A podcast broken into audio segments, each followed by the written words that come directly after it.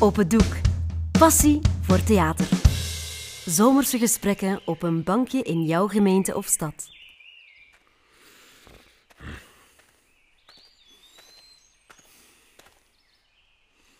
Pa? Pa? Oh. Bert, Ja, pa, ik denk ik het. ik moet in slaap gesukkeld zijn. Ah, een beetje slecht geslapen deze nacht. Rustig. Een paar keer moeten gaan opstaan om te gaan plassen. Ja. Je hebt het dan toch gevonden? Waarom hier, pa? Omdat ze erbij moet zijn, hè? Dat is hier altijd ons bankje geweest. En als ik hier zit, dan weet ik dat uw moeder erbij is. Nou, en in het ruststoort zit het toch nooit gerust.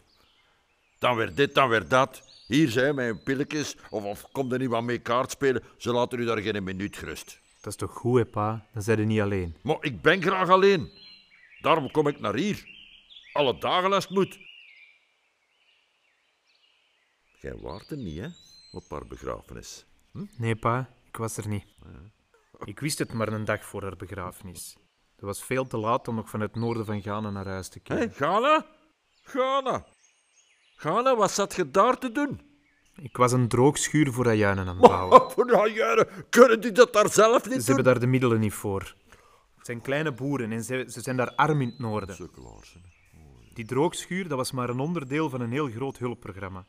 Wij proberen daar te doen wat een boerenbond hier meer dan 100 jaar geleden voor onze boeren De heeft. Boerenbond. Zwijg met daarvan, jongen. Ons vader hè, die is al zijn spaarcenten kwijtgeraakt bij de Boerenbond. Bandieten, ja, dat zijn het. En jij, jij werkt voor zo'n organisatie. Papa, ik, ik werk voor zo'n organisatie. Allee, ik werk te. Het werd te zwaar. Te zwaar. Voor zo'n jonge mens als jij. In de fleur van zijn leven. Toen ik zo oud was als jij, dan ging ik nog te voet naar Scherpenheuvel. En ik zwom nog helemaal het kanaal Jij over. wel, pa. Hè? Maar ik ben jij niet, hè? Ik heb niet dag in dag uit met stenen lopen sjouwen en- hé, dat zit allemaal tussen je oren, hè, jongen. Je moet gewoon willen. Nu zou ik dat natuurlijk niet meer kunnen. Te voet naar Scherpenheuvel. Ik kan nog amper naar hier komen. De dokter zegt hè, dat heel mijn lijf vol reuma zit. Ja, ja, wat wilde? Eerder dagen in regen en wind. Ik stond er altijd hè, op de bouw. Dat krupt niet in uw kleren, hè. Maar jij, ik zie het, jij hebt meer de genen van uw moeder. Dat zou wel eens kunnen, ja. Ik ben direct afgekomen wanneer ik het bericht kreeg. De dag na haar begrafenis stond ik hier. En jij vond het zelfs de moeite niet om tot hier bij mij te komen. Nee, pa, dat kon ik toen niet. Nou, goed, goed dat ons Elske er is. Als die er toen niet moest geweest zijn, hè, dan was ik hier misschien ook niet meer.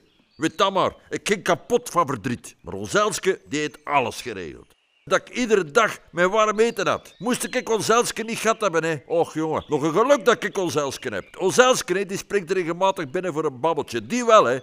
Vind het erg dat ik Osma niet meer gezien heb. Langer dan een uur heb ik aan haar graf gestaan en ik heb met haar gesproken. Ik weet dat ze me vergeven heeft, maar ik heb daar nooit horen zeggen. Nu kan het niet meer. Is het daarom dat jij mij wilde terugzien? Voor het te laat is? Hé, hey, ik ga nog lang niet dood, hè, jongen. Van reuma sterft je hè. Mijn gezicht, dat is iets anders. Dat gaat fel achteruit. Ja, de gazet, dat moet ik lezen met een vergrootglas. En een bril ook al niet. En tv, wow. Ik moet misschien sterkere glazen hebben. Dat wel. Ons ma, dat was een heilige. Een heilige. Je moest eens weten hoe dat hij ervan heeft afgezien dat je niet meer naar huis kwam.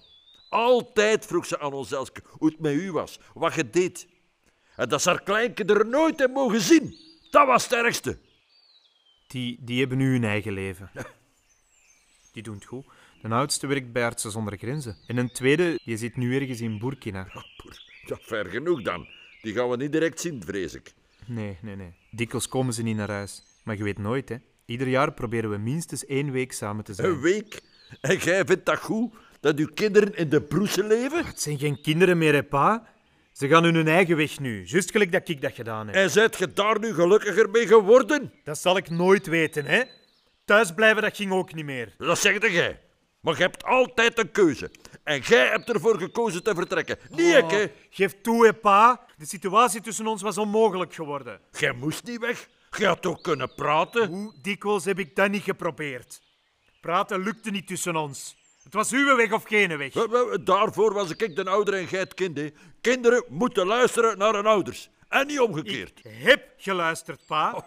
Maar wat ik deed was nooit genoeg. Ik maakte een inktvlek op mijn huiswerkboek en je schold mij uit voor, voor slordige luierik. Als ik op mijn schoolrapport niet maximum scoorde op gedrag, dan had ik zelfs geen respect voor mijn onderwijzers. Of, of als ik met een slechte toets thuis kwam, dan was het klein. Maar zo te zien, heeft dat wel iets uitgehaald, hè?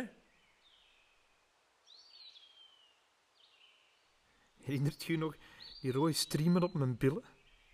Het bloed dat tevoorschijn kwam wanneer mijn vel werd kapotgeklopt. denkt toch niet dat ik dat voor mijn plezier heb gedaan? Zachte heelmeesters maken stinkende wonden. Jij, jij bent altijd een rebel geweest. Jij kon niet tussen de lijnen lopen. En vroeg of laat, dan lopen rebellen met een kop tegen de muur. Zo werkt dat nu eenmaal. Begrijpt je dat niet, dat ik je die pijn wilde besparen, Had je me dat dan niet op een andere manier kunnen duidelijk maken dan met je bamboestok? Met schoolwoorden zeker. Daarvoor ben ik niet lang genoeg naar school geweest. Hè. Wie niet horen wil, die moet voelen. Wel wat die vrije opvoeding van jullie allemaal veroorzaakt heeft. Drugs en seks en verslaafd. En als je niet oppast, dan stappen ze nog tegen je schenen. Dat is niet veel om fier op te zijn, hè. Je zit toch niet meer op de drugs, zeker? of is dat ook nog bezig? hè. Ik heb ooit eens één jointje gesmoord, hè, pa. Eén Was niet alleen jointje. dat één jointje, hè, jongen. Hey, ook dat gedoe met die maskers. En altijd op trantje met school. Ik stond daar schoon. Was die een bamboestok, pa? Ik was 18. Laat er ons over zwijgen. Ik ben niet gekomen om opnieuw ruzie te maken.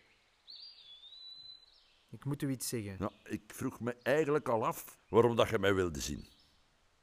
Of heb je geld nodig misschien? Nee, pa. Geen geld. Ik trek op dat vlak al mijn plan sinds ik thuis vertrokken ben. Als er iets is dat ik niet tekort kom, dan is het wel geld. Wat is er dan wel? Allee. Wat heb je me dan te vertellen? Ik zou graag hebben, hè. Dat die koude oorlog tussen ons eindelijk stopt, pa. Voordat het te laat is. Voordat het te laat is, dan moet je niet bang voor zijn. Hè. Ik, ik loop nog lang niet op mijn laatste benen. Jij niet misschien. Ja, nee, stevig sta ik er niet meer op, hè. dat is waar. Dat komt door de reuma. Het is pijnlijk, maar je gaat er niet van dood, heeft de dokter gezegd. Hij heeft ook nog gezegd dat ik beter een rollator zou gebruiken, maar dat doe ik nog niet. Zolang ik op mijn twee benen naar hier kan lopen, zal ik dat blijven doen. Ziet je mij nou al eerlijk gezegd met een rollator op straat lopen? Allee, dat gaat toch niet? Pa, hebt niet geluisterd. Maar jawel, wat moet ik daarop zeggen? We zien nu 35 jaar niet, zelfs niet eens op de begrafenis van ons ma. En dan vraagt gij aan ons Elske of zij kan regelen dat wij elkaar kunnen zien. Ja, dan moet je toch begrijpen dat ik daar last mee heb, zeker. Ik ben hier alleen, omdat ons Elske gezegd heeft dat ik niets te verliezen had met naar hier te komen. Maar als het van mij alleen had afgehangen, Ik ben jongen, content dan, dat je hier zei, pa. Al heel mijn leven heeft ons ruzie aan mij gevreten.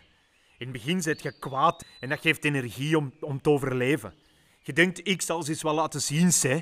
Ik zal eens bewijzen dat ik geen leegloper ben. Je studeert, je begint te werken, je trouwt. Je hebt het eigenlijk te druk om daar te lang bij stil te staan. Maar als er kinderen komen, hè, dan begint het opnieuw te knagen. En dat uw kinderen hun grootouders niet zullen kennen, hè, dat blijft hangen. Je duwt dat weg, maar het verdwijnt nooit helemaal. Uiteindelijk leert je daarmee leven. Ik kan er niet mee doodgaan. Doodgaan, doodgaan? Je hebt toch nog een heel leven voor u, zeg jongen. Nee. Doodgaan, daar hebben we nog veel tijd voor, zeg. Nee, pa. Dat heb ik niet. Hoe? Hoe, wa- wa- wat wil je daarmee zeggen? Ik heb hooguit nog een jaar te leven, pa. Ik heb darmkanker, uitgezaaid.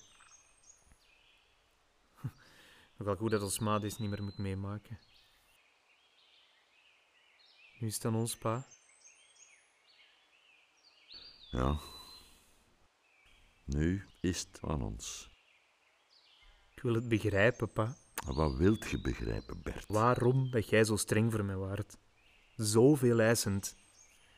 Waarom je mij altijd op mijn kop gaf. Waarom dat je die klote bamboestok gebruikte. Die stok had mij kunnen breken, pa. Bij mij groeide met iedere slag de woede in de wrok. Ik, ehm, ik kan dat niet uitleggen, Bert. Ik, ik heb het gedaan voor je eigen goed. Ik deed dat, dat ik niet wist hoe ik dat anders moest aanpakken. Ik heb ook geprobeerd.